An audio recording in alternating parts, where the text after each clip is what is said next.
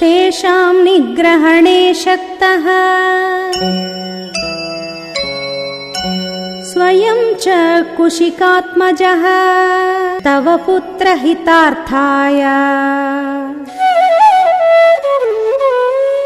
त्वामुपेत्याभियाचते।